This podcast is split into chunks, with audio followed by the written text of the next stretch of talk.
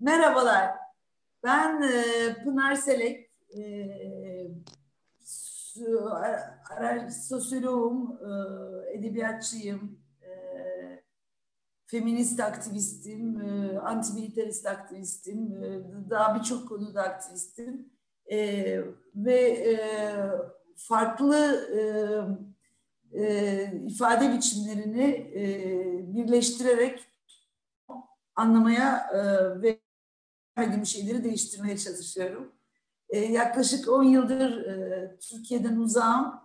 E, şu anda Fransa'da e, Nice Côte d'Azur Üniversitesi'nde Sosyoloji Departmanı'nda öğretim üyesi olarak çalışıyorum. E, aynı zamanda Ürmis e, laboratuvarında e, e,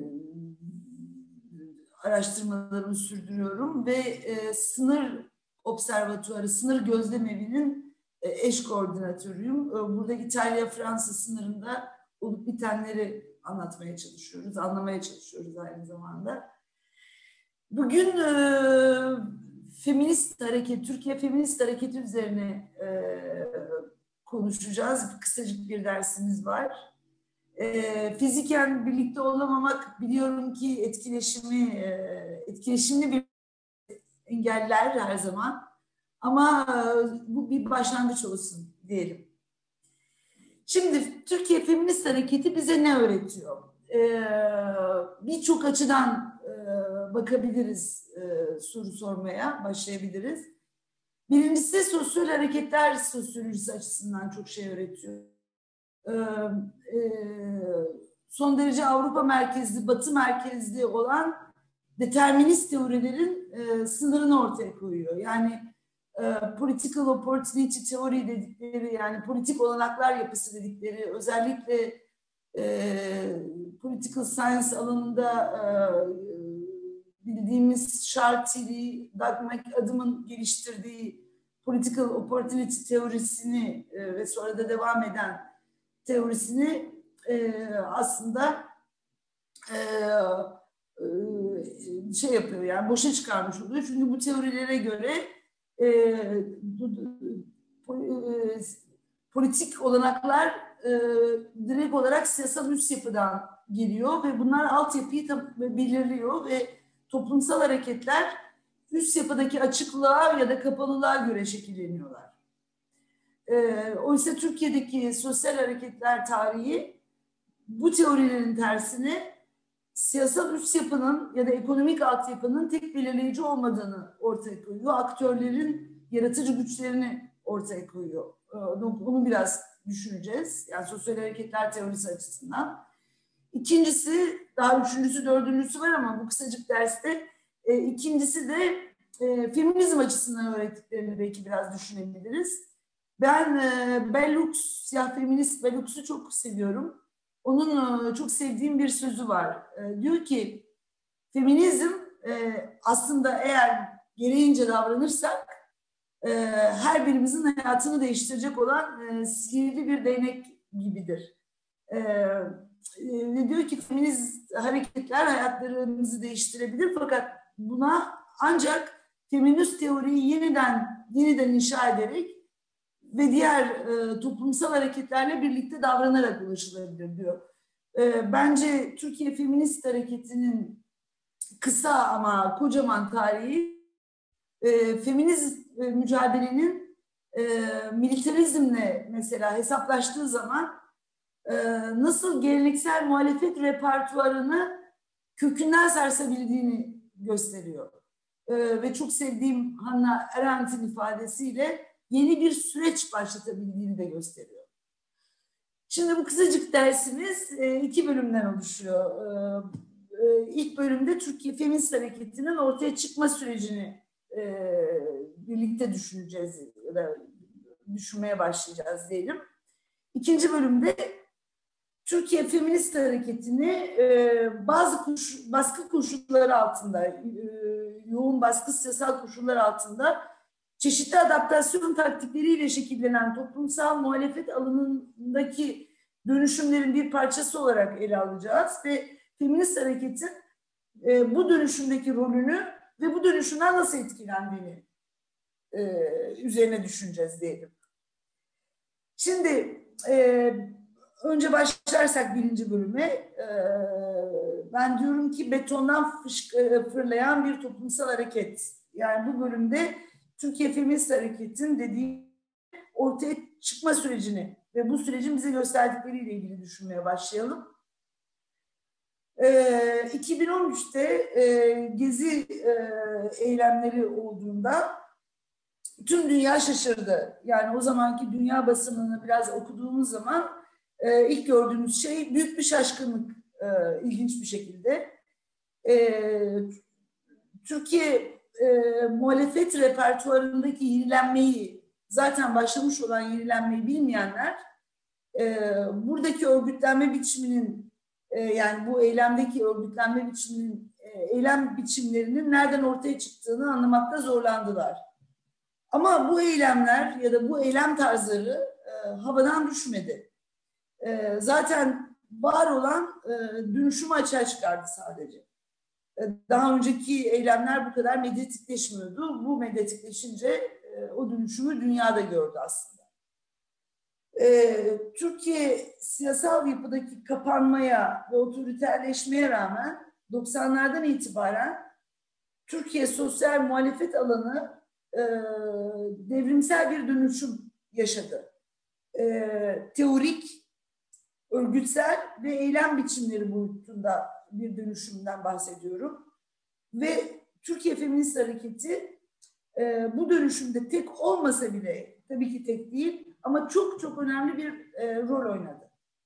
Özellikle ortaya çıkışı, şimdi onu ele alacağız, e, yeni bir muhalefet devresi başlattı 80'lerden itibaren. Yani Türkiye'de feminist hareketin ortaya çıkışı yeni bir muhalefet döngüsünün ya da devrinin nasıl Türkçe çevriliyorsa ortaya çıktığını e, çıktığını gösteriyor. Şimdi feminizm kısa tarihi dedim biraz önce.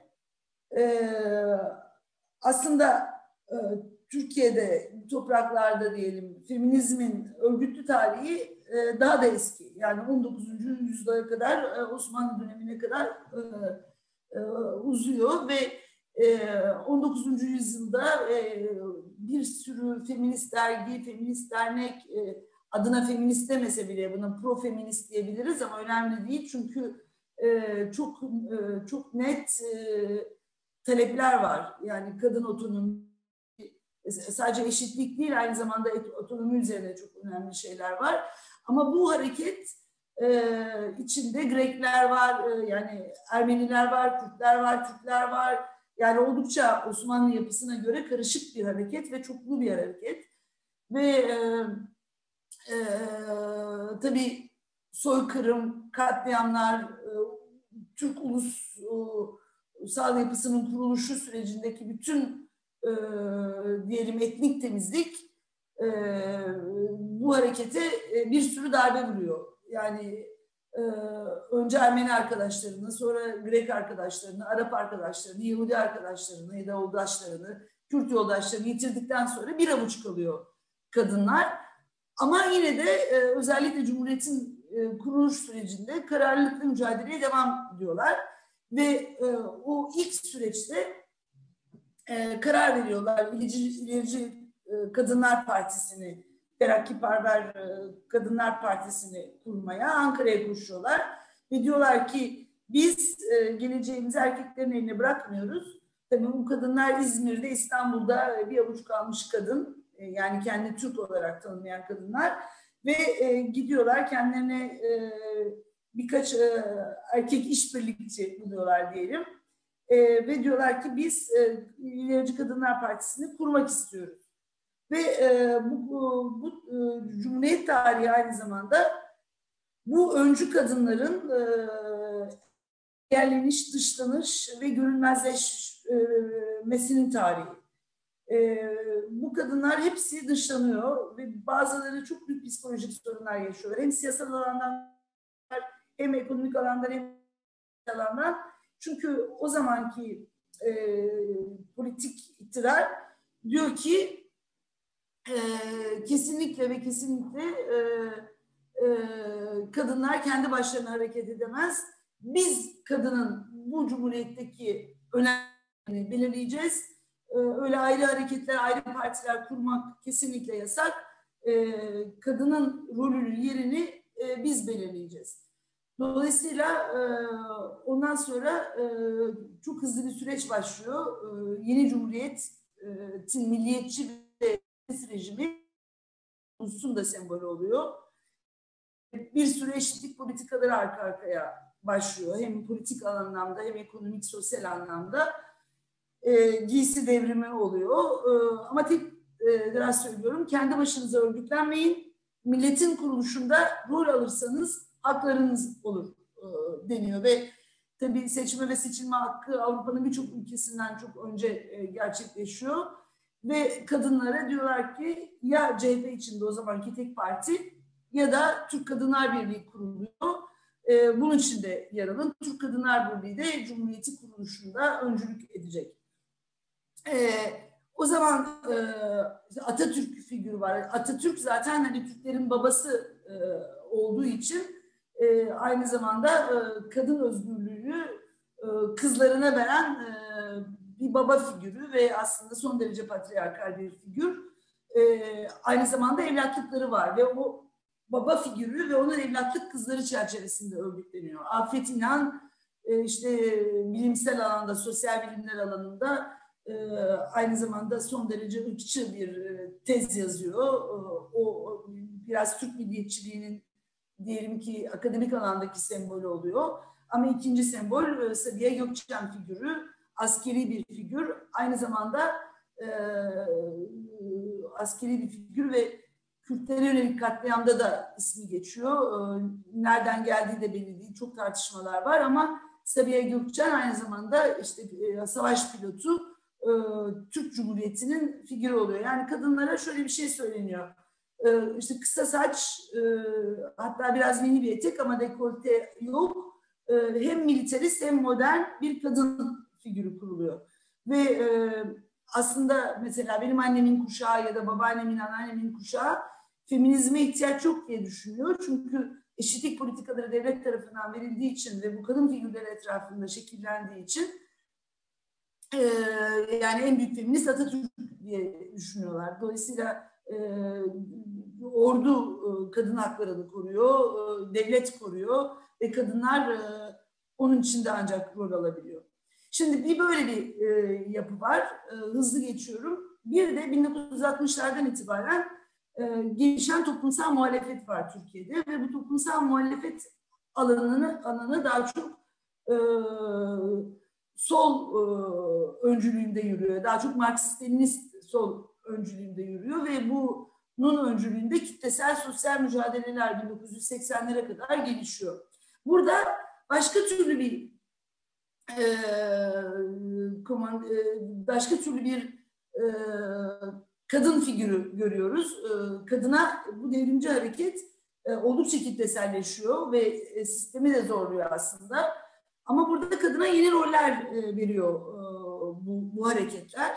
Daha çok sınıf bakışı ekseninde ve işte kadınların ezilmesi doğrudan doğruya işte sınıf sömürüsüne dayalı olduğunu söylüyor ve kadınların tüm sorunlarının çözüleceği de, de devrimden sonra olacak deniyor ve o kadar güçlü bir toplumsal muhalefet var ki gerçekten e, özellikle 1980'e kadar devrime inanılıyor. Yani belki yarın, belki yarından da yakın. O yüzden her şeyi erteleyelim. Şu anda sadece devrime odaklanalım e, düşüncesi hakim.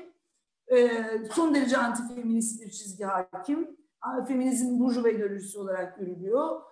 Eşcinsellik e, burjuva sapkınlığı olarak görülüyor. Dolayısıyla e, yeni figür yani yeni kadın figürü, özgür kadın tırnak içinde figürü devrimci bir cinsiyetsiz kadın oluyor. Ve özel alan değil yani kadınlar eğer örgütlenecekse özel alan konusunu konuşmayacaklar.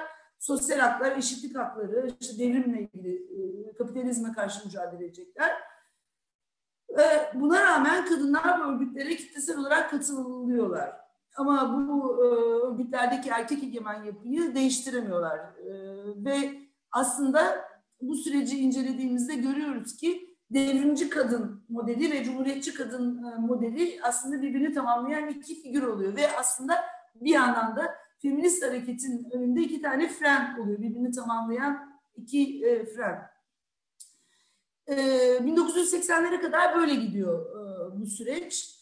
E, dolayısıyla yani o e, 1980'lere kadar e, herhangi bir genç kadın için e, iki tane figür var. Yani e, özgürleşmesi, gelişmesi, e, gelişmek isteyen bir kadın için ya cumhuriyetçi kadın ya devrimci kadın. Bunun dışında bir e, yol görünmüyor.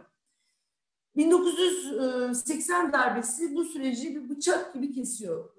Zaten biraz önce söylediğim sosyal sosyal hareketler sosyolojisi açısından bu dönem çok önemli. Çünkü burada siyasal yapının daha da kapandığını görüyoruz. Otoriterleşmenin hatta totaliterleşmenin iyice arttığını görüyoruz. Ve e, 1980 darbesi e, uluslararası biçimde örgütlenmiş çok güçlü bir darbe. Toplumsal muhalefetin üzerinden silindir gibi geçiyor. Yüz binlerce tutuklu, her şey yasak, dernekler, sendikalar, e, şiirler, e, işkence, ölüm, yüz binlerce tutuklu bu, bu çok e, önemli bir şey ve de, e, büyük bir devlet terörü görüyoruz. Bu süreçte bu, bu silindirin altında sol yeniliyor.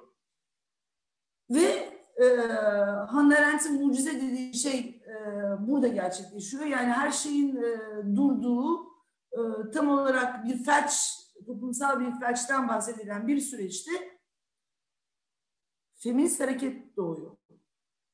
E, incelediğimizde o doğuş sürecini belki bugün ayrıca konuşuruz başka bir süreçte. Çünkü o çok önemli bir süreç. Nasıl doğuyor? Yani nasıl e, sürgüne giden ya da yurt dışında üniversitede olan, Türkiye'de üniversitede olan ya da eski devrimci olan, cezaevinin önünde olan kadınlar bir araya geliyorlar bir şekilde. Kaynaklarını, bilgilerini, deneyimlerini, bireysel deneyimlerini kolektifleştiriyorlar ve tabii o zaman e, şeyden de bahsediyoruz. Bir sürü sol örgüt var. Tüm dünyada olduğu gibi Türkiye'de sol örgütler de zaten 40 bin parçaya bölünmüş. İşte Mao'cusu var, e, Troçkisti var, e, Marksist Leninisti var, Stalinist var. Bunlar bir araya geliyor. Ya senin örgütte nasıldı? Aa bizde de böyleydi falan. Kadınlar artık e, o ilk bilinç yükseltme gruplarında ortak e, deneyimlerini görüp kolektifleştiriyorlar. Ve e, orada başlıyorlar ilk feminist gruplar, feminist hareketler. Hızlı geçiyorum burayı. E, e, ilk öncü kadınlar hem tarihlerinden öğrendikleri e, deneyimleri e, öne çıkarıyorlar ve orada diyorlar ki bizim e, radikal bir şeyler yapmamız lazım. Yani kökten, radikal derken kökten bir şey yapmamız lazım. E, ama aynı zamanda bu süreçte ayakta durmamız lazım. Dolayısıyla bir kısmının e, şey e, e, politik sermayesi olduğu için cebinde, daha doğrusu eski devrimci oldukları için bir kısmı düşünüyorlar. Biz nasıl adapte olabiliriz bu süreçlere ve ince taktikler geliştiriyorlar. İşte dernek değil şirket kuruyorlar ve biraz da yararlanıyorlar. Hani devlet özel olan politiktir lafından bir şey anlamadığı için daha devletin o anda öncelikleri var. Yani Kürtler var, solcular var, daha başka gruplar var. Dolayısıyla kadınların bu bir araya gelmesi o zaman çok fazla dikkat çekmiyor ve e, kadın, o, o zamanki öncü kadınlar bu e, önemsenmemekten faydalanıyorlar biraz. Ve e, hem dediğim gibi e, o ilk tartışmalarda ve ilk küçük eylemlerde yavaş yavaş kendini meşrulaştırmaya çalışıyorlar. Hem çok radikal bir eleştiri ve mücadele hattı geliştiriyorlar ama hem de çok ince taktikler geliştiriyorlar. Böyle meşru görünmek ya da dikkat çekmemek için. Ee, ve bu süreci incelediğimizde bu süreçteki yazılara, bu süreçteki ilk bildirilere, ilk e, çünkü içinde akademisyen kadınlar da var. Ee, görüyoruz ki daha filizlenme sürecinde e, bu hareket, e, bu hareket, bu akım e, kadın erkek eşitliği e, ötesine geçerek e, kendini devletin ve sol hareketin hakim kıldığı e, milliyetçi ve militarist e, e, patriarka ile boğuşurken buluyor. Yani biraz öyle bir e, sürecin içine giriyor birdenbire.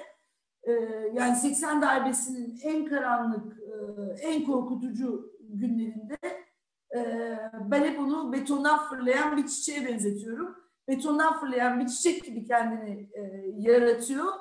Ve bunu e, kendini yaratma sürecinde e, hem dediğim gibi taktikler yapıyor dikkat çekmemek için hem de e, kadınları modern devletin vitrini yapan ama onların hiçbir bağımsız girişine geçit vermeyen, vermemiş olan, e, öncü kadınları dışlayan, e, diğerlerini evlatla, evlatlıklaştıran rejimin güvenlikçi, e, militarist e, ideolojisini e, eleştiriyor ve bunun e, cinsler arası iş bölümünü nasıl düzenlediğini e, ortaya koyuyor. Kadın, erkek, aile, devlet ilişkilerinin ulusal ihtiyaçlara göre e, hangi mekanizmalarla şekillendiğini analiz ediyor.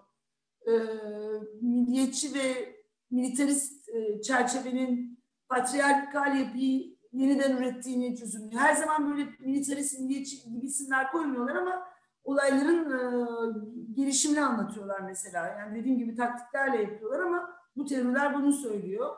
O zamanki analizler. Ve e, o zamanki kadınlar kendi tarihleriyle yani feminizmin Osmanlı döneminde ortaya çıktığı ve sonra kesildiği süreci de e, düşünüyorlar ve e, tarihleri kendilerinden başlatmıyorlar yani. Ve kadınlara şaşırtıcı bir e, cömertlikle sunulan e, sosyal, ekonomik, politik e, hakların avantajlarını da görmeden, görmezden gelmiyorlar tabii. Ama militarist şarttan e, kısa saçları, tayyörleri, diplomalarıyla e, yeni otoritenin misyonerleri olarak e, çıkan kadınların e, aslında sınırlarını da gösteriyorlar. Ve e, en önemlisi özgürlük olmadan eşitlik olmaz diyorlar. Ve bunu da çok akıllıca yapıyorlar.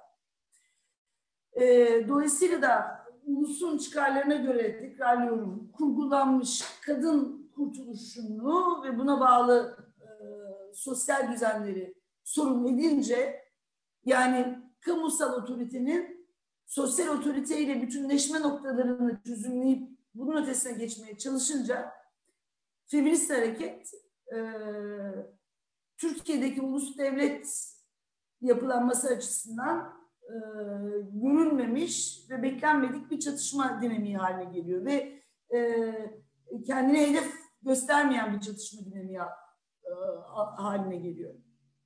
Şimdi bunu yaparken biraz önce söylediğim gibi e, aynı zamanda solla da hesaplaşıyor. E, yani kendini 60'lı yıllardan itibaren e, tüm sosyal e, davaları monopolleştiren e, sol harekette e, yani kendini e, hmm, sistem karşıtı olarak adlandıran muhalefetle de hesaplaşıyor.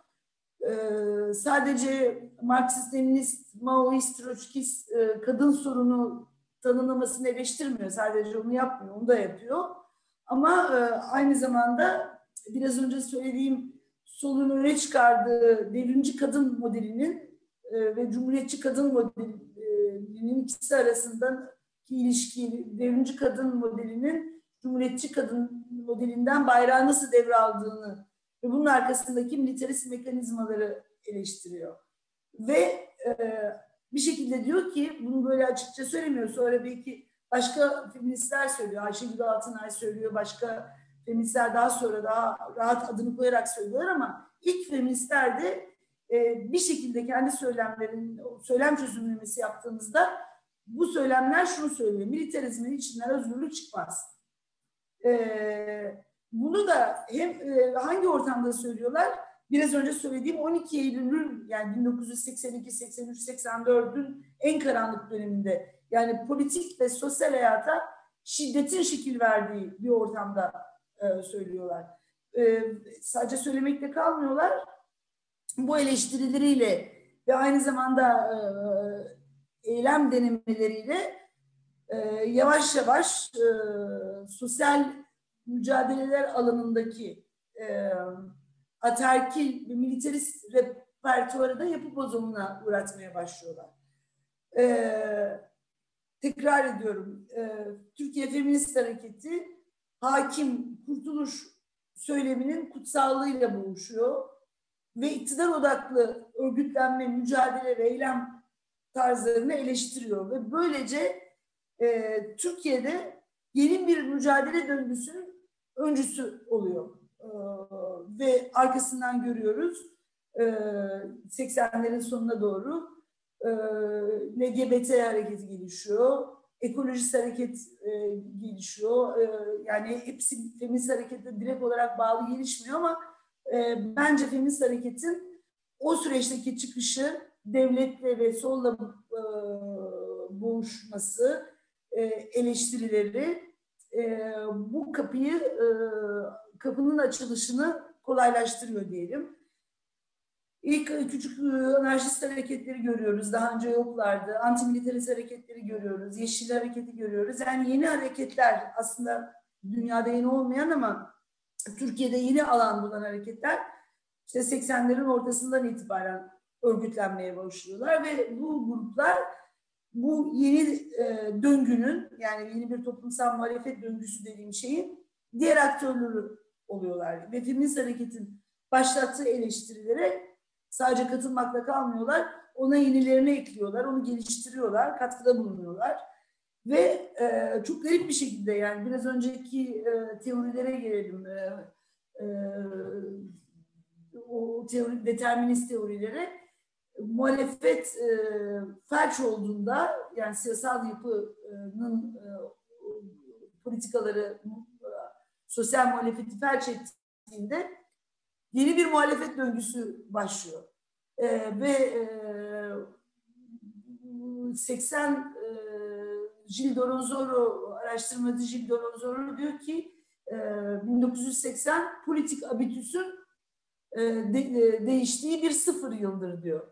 E, çünkü bu sıfır yılı e, üst yapı yaratmıyor. Bu sıfır yılı aslında bu gelişen yeni toplumsal hareketler yapıyor. E, bu tarihten itibaren e, biraz önce söylediğim gibi toplumsal mücadeleler alanında e, ideolojik, örgütsel, politik, felsefi hatta monopol e, yapı bozumuna uğruyor.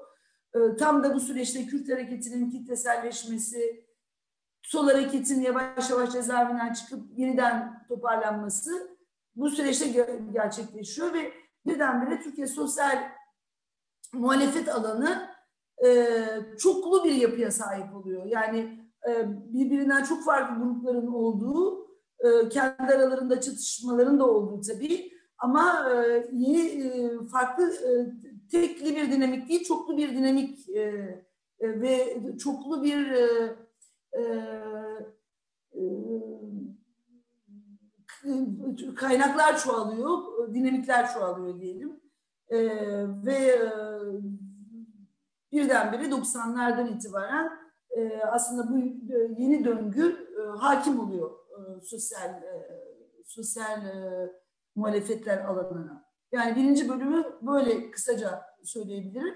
Şimdi ikinci bölümde e, e, bu toplumsal muhalefet alanındaki dönüşümleri ve feminist hareketin e, buradaki yerini e, biraz anlamaya çalışacağım. Yani ilk bölümde feminist hareketin bu e, yeni döngünün e, ortaya çıkmasındaki e, rolüne biraz hızlıca değindim. E, şimdi ikinci bölümde artık bu döngü biraz hakim oldu. Bir sürü hareket var. Artık sol tek egemen değil. Çoklu bir hareketten bahsediyoruz. Hatta işte Agos etrafında Ermeniler de örgütleniyor. Bir sürü farklı toplumsal sorunlar etrafında yeni örgütlenmeler var. E, bu ortamda kurumsallaşan baskı ortamı e, çünkü o değişmiyor aslında. Arada bir küçük açılımlar oluyor Avrupa Birliği süreci falan filan derken bazen o e, bazı olanaklar yaratıyor ama yani e, baskı ortamı gayet kurumsal. Bu kurumsallaşan baskı ortamı bu hareketler arasında, söylediğim hareketler arasında sürekli bir ittifakı zorunlu kılıyor. Yani zorunlu bir ittifakı sürekli kılıyor ya da değil, öyle söyleyeyim. Ve çünkü tek başına bir şey yapmak imkansız. Ancak başka hareketlerle birlikte yapılabilir. Yani sadece 8 Mart e, eylemlerinin örgütlenmesi, 1 Mayıs'ın örgütlenmesi falan gibi büyük şeyler değil. Aynı zamanda herhangi bir konuda e, biraz hareket geliştirmek için bile ittifak zorunlu Türkiye'de. Avrupa'daki diğer sosyal hareketlerde bu biçimde değil. Şimdi bu hareket, e, bu ittifak 3 yıl sürse, 4 yıl sürse çok fazla bir değişimden bahsedemeyiz. Ama bu ittifak süreklileşince, yani zorunlu ittifak, sosyal hareketler arasındaki ittifak süreklileşince ve bu 10 yılı, 20 yılı alınca örgütler arasında ki etkileşim, çatışma iç dönüşümlere, iç çatışmalara neden oluyor. Yani Kürt hareketi içindeki kadınlar, LGBT, LGBT hareketi içindeki kadınlar, feminist hareketteki Kürtler, öbür hareketteki Ermeniler kendi hareketleriyle de hesaplaşmaya başlıyorlar ve e, örgütlerde iç çatışmalar başlıyor hareketlerde iç çatışmalar başlıyor. İç çatışmalardan bazı örgütler e, gelişerek çıkıyor, bazıları kaybediyor. Fakat en önemlisi e, bu ittifak, bu örgütler arasında başlayan ittifak başka bir şey kuruyor. E, örgütlerin etrafında sosyal ağlar kuruluyor. Yani e, sürekli görüşmeler, e, sürekli zorunlu olarak buluşmalar bir süre sonra deneyimler arasındaki yolculuğu, felsefeler arasındaki yolculuğu, e, politik yöntemler arasındaki yolculuğu, paylaşımı da getiriyor ve bunlar tekrar tekrar tekrar devam edince bu paylaşımlar yapısallaşıyor. Ve birdenbire bakıyoruz e, sosyal hareketlerin etrafında yani daha önce örgütler tarafından belirlenen sosyal hareketler etrafında içinde etrafında sosyal ağlar yapılaşıyor. Yani sosyal ağ kuruluyor ve yapısallaşıyor. Bu yapısallaşma kendi kültürünü de yaratıyor aslında. Ve e, network dediğimiz e, bir e, e, toplumsallaşma başlıyor ve bir sürü insan e, bu kültürün içinde gelişmeye başlıyor ve bu e, bunun içinde tabii çoğu eylem ve örgütlenme biçimleri, çoğu söylemler e, de gelişiyor ve e, bu e, paylaşımlar, biraz önce söylediğim paylaşımlar örgütlerin mekanizmalarına takılmadan sosyal ağlar üzerinden e, sadece internetten bahsetmiyorum, direkt e, fiziki sosyal ağlardan bahsediyorum, e, gelişiyor. E, dolayısıyla e, yani 2000 2010'lara kadar geldiğimizde e, e, Türkiye'de ciddi bir sosyal e, sadece Türkiye'de Türkiye'nin bütününde değil ama sosyal hareketler alanında bir devrimden bahsedebiliriz. Çünkü e, eskiden e, Ermeni konusunda mesela Hrant Dink burada çok önemli bir rol oynamıştır. Ya da ne bileyim e, e, Kürt, Kürtler, e, Kürt toplumsal muhalefeti çok önemli bir rol oynamıştır. Her e, eşcinsel hareket e, özellikle Diyarbakır'da da örgütlenmeye çalışıyor. Kürtçe'de yayın çıkarmaya çalışıyordu. Her hareket dönüşüyor. Ya da işte e, sol hareketler e, daha önce işte feminizmi e, burjuva ideolojisi olarak tanımlamaya rağmen feminist olarak niteliyorlar kendilerini. E, LGBT komisyonları kuruyorlar kendi içlerinde. Yani burada bir büyük önemli bir dönüşümden bahsediyoruz. E, ve e, e, bu tabii sosyal hareketlere yeni e, deneyimler, yeni kaynaklar da yaratıyor. E, en imkansız görünen şartlarda bile mucizeler e, yaratma olanakları ortaya çıkıyor e, burada. Ve aslında daha da denetlenemez bir e, yapı oluşuyor sosyal hareketler yapı, e, ağında. Çünkü e, sadece örgütler üzerinden gelişmiyor ilişkiler. Ve feminist hareket e, bu süreçte e, çok önemli bir rol oynuyor. Yani e, onu e, hem e, yani feminist hareket Türkiye'deki en çoğul hareket. Yani kendi içinde bir sürü farklılığı barındıran e, bir hareket. Türkiye'de bu kadar çoğul başka bir sosyal hareketi görmek mümkün değil. E, kendi çatışmaları da var. E, ve bu kendi iç çatışmaları içinde yine bir hareket olarak kendi korunmaya devam ederken aslında sosyal hareketler arasındaki bütün bu etkileşimi yaratmada çok büyük bir rol oynuyor. Ee, hem e, barış mücadelesinde hem antimilitarist mücadelede hem başka konularda düşünce özgürlüğü vesaire mücadelelerinde e, öne çıkıyor. Hem de e, ilk baştaki feministlerin yaptıkları gibi yani 80 dönemindeki feministlerin yaptıkları gibi sosyal e, siyasal iktidarın e, sosyal iktidar sosyal iktidarlarla nasıl bütünleştiğini göstererek e, mücadelenin çoğulcu olması gerektiğini de söyleyip aslında bütün örgütlerin dönüşümünde önemli bir rol oynuyor. E, kadın e, oradaki patriarkal yapıların dönüşümü açısından özellikle. E, bir de e, onu söylemeyi unuttum. E, 80'lerde e, hem bu örgütlerde sadece yani bu örgütlerin e, sol hareketlerin sadece ataerkil yapısını değil aynı zamanda ataerkil yapısıyla ilişkinleşen militarist yapılarını da sorguladığı için her şeyleri her şeyi e, e, yeniden kurmak zorunda kalıyorlar. Yani eylem biçimi, toplantı biçimi, e, örgüt içi ilişkiler e, biçimi, her şeyi yeniden düşünüyorlar ve bu ataerkilliğin, yani erkeklik kültürünün e, etkilediği e, bütün o yöntemlerin ötesine geçmeye çalışıyorlar. İşte burada antimilitarist hareketle, LGBT hareketiyle, diğer hareketlerle de bütünleşiyorlar. Anarşist hareketle de. E, yani direkt olarak bütünleşme yok, örgütsel bütünleşme yok ama iletişim var ve deneyim alışverişi var. Ve yeni yöntemler yaratmada e, bu anlamda feminist hareketin önemli bir öncülüğü var diye düşünüyorum. Evet. Böyle söyleyebilirim. E, çünkü az zamanımız olduğu için e, hızlı gidiyorum. Şimdi e, son olarak şunu söylemek istiyorum. Şu soru etrafında bitirmek istiyorum.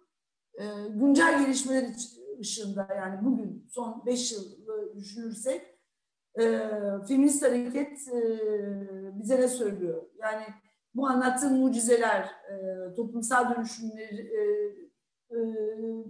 güncel gelişmeler ışığı altında nasıl okunabilir? Ee, soru bu. Ee, herkes duydu, e, Avrupa basınında da çok e, yer aldı. Türkiye İstanbul Sözleşmesi'nden e, çekildi. Ee, şimdi İstanbul Sözleşmesi'nden çekilmek nasıl bir, yani feminist hareket çok güçlü diyoruz. Özellikle tabii hızlı geçtim 90'lardan sonra e, e, e, radikal pragmatizmi de geliştirdi, 80'lerde geliştirdiği radikal pragmatizmi de geliştirerek her şeyden faydalanıyor feminist hareket. Yani Avrupa fonlarından, e, değişik para kaynaklarından vesaire ve bu şekilde aslında e, büyük şehirlerin dışına çıkıp bir sürü farklı kadınlarla buluşuyor ve feminist hareketin içindeki çoğulculuk e, farklı kaynakları da bu hareketin içine akıtıyor farklı çalışma tarzları, farklı eylem örgütlenme tarzları aslında bu hareketi e, birdenbire çok geliştiriyor. E, ve aslında göründüğünden daha fazla yani da, da, da, Türkiye'nin birçok bölgesine yayılıyor. Tabii burada şey de söylemek istiyorum. Kürt hareketinin bu belli bölgelerde gelişmesi, aslında büyük şehirlerde de gelişmesi ve oradaki kadınların aslında e, hem e, hem e, Kürt kimliklerini hem kadın kimliklerini öne koymaya çalışmaları orada büyük bir dönüşümü de geliştiriyor ve orada belediyelerde bir sürü alanda kadınların kadın örgütlenmelerinin geliştiğini de görüyoruz. Yani, yani dolayısıyla hem feminist hareket hem Kürt hareketi hem diğer hareketler kadınların bağımsız örgütlenmelerinin yolunu da açıyorlar. Da bu kadar gelişmeye rağmen nasıl oluyor da e, bugün e, bütün bu politikalar gerçekleşebiliyor? Türkiye İstanbul Sözleşmesi'nden çıkabiliyor. Yani e, çok kısaca belirtmek gerekirse bugün e, Türkiye'de derin bir politik ve ekonomik e, krizden bahsediyoruz. E, küçücük açılımlar, zaten var olan küçücük açılımlar e, yerini e, büyük bir otoriterleşmeye bıraktı. Hatta bir anlamda totaliterleşmeye bıraktı diyebilirim. E, hatta 80 darbesinden bugüne e, hiçbir şekilde görülmemiş bir e, tarza gelişiyor bugün. Yani hiçbir zaman otoriter yapı e, yok olmamıştı. Ama e, bu noktaya kadar da gitmemişti. E, hatta diyebilirim ki şu anda Türkiye'de sürekli bir savaş hali var. Hem içeride hem dışarıda. Ee, hem e, Türkiye e, Mısır'da, Libya'da bir sürü alanda bir savaş halinde hem de Türkiye kendi içinde ve militarizmin ve milliyetçiliğin eski repertuarı canlanıyor. Hatta canlanarak zirveleşiyor bugünlerde.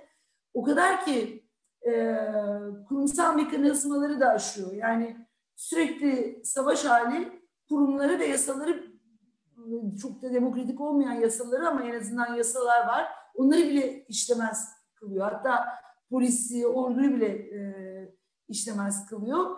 E, militer, militaristleşmeye paramiliter, paramilitarisleşme ekleniyor. E, ve böyle bir ortamda e, geleneksel semboller e, tekrar ortaya çıkıyor erkekler silahlanıyor. Sadece e, orduda ve askerde değil işte paramiliter yapılarda ve e, bir şekilde toplum seferber edilip disiplin altına alınıyor. Şimdi e, bu gelişmeler aynı zamanda liberal ekonominin geleneksel iş bölümünü yeniden kurma sürecinde e, gelişiyor. Tam da burada yeni muhafazakarlık kadınlara sosyal ve sembolik olarak yeni geleneksel roller biçiyor. En temel haklarını bile geri almaya çalışıyor İstanbul Sözleşmesi'nde ya da başka şeylerde gördüğü gibi. Yani feminist hareketin tüm kazanımlarına rağmen erkeklerin kadınlar üzerindeki baskı ve sömürüsü yeniden yapılanıyor şu anda Türkiye'de. Peki e, bunlar nasıl gerçekleşebiliyor? Feminist harekete, devrimsel dönüşüm yaşayan sosyal hareket alanına ne oluyor peki yani? E, bu devrim yani başta bahsettiğim devrim toplumu, üst yapıyı, üst yasal yapıyı hiç mi etkilemedi? Ne, nasıl böyle e, olabiliyor? Bence etkiledi. Ama bu etkilerin açığa çıkabilmesi için e, biraz daha zaman gerekiyor. E, ikincisi e, çok şiddetli bir baskıyla karşı karşıyayız ve genelleşen ve yaygınlaşan bir baskı. Yani sadece belli grupları falan değil, genelleşen ve e, yaygınlaşan bir baskıdan bahsediyoruz. Yüz binden fazla siyasi tutuklu var. Tıpkı 12 Eylül e, dönemi gibi. E, ve özellikle e, bu baskılar e, dönüşüme ve yeni toplumsal hareketleri de hedef alıyor. E, gezi eylemleri sonrasında bu eylemlere katılanların yaşadıklarını biliyoruz. Transların şu anda Türkiye'de yaşadığı çok büyük baskılar var.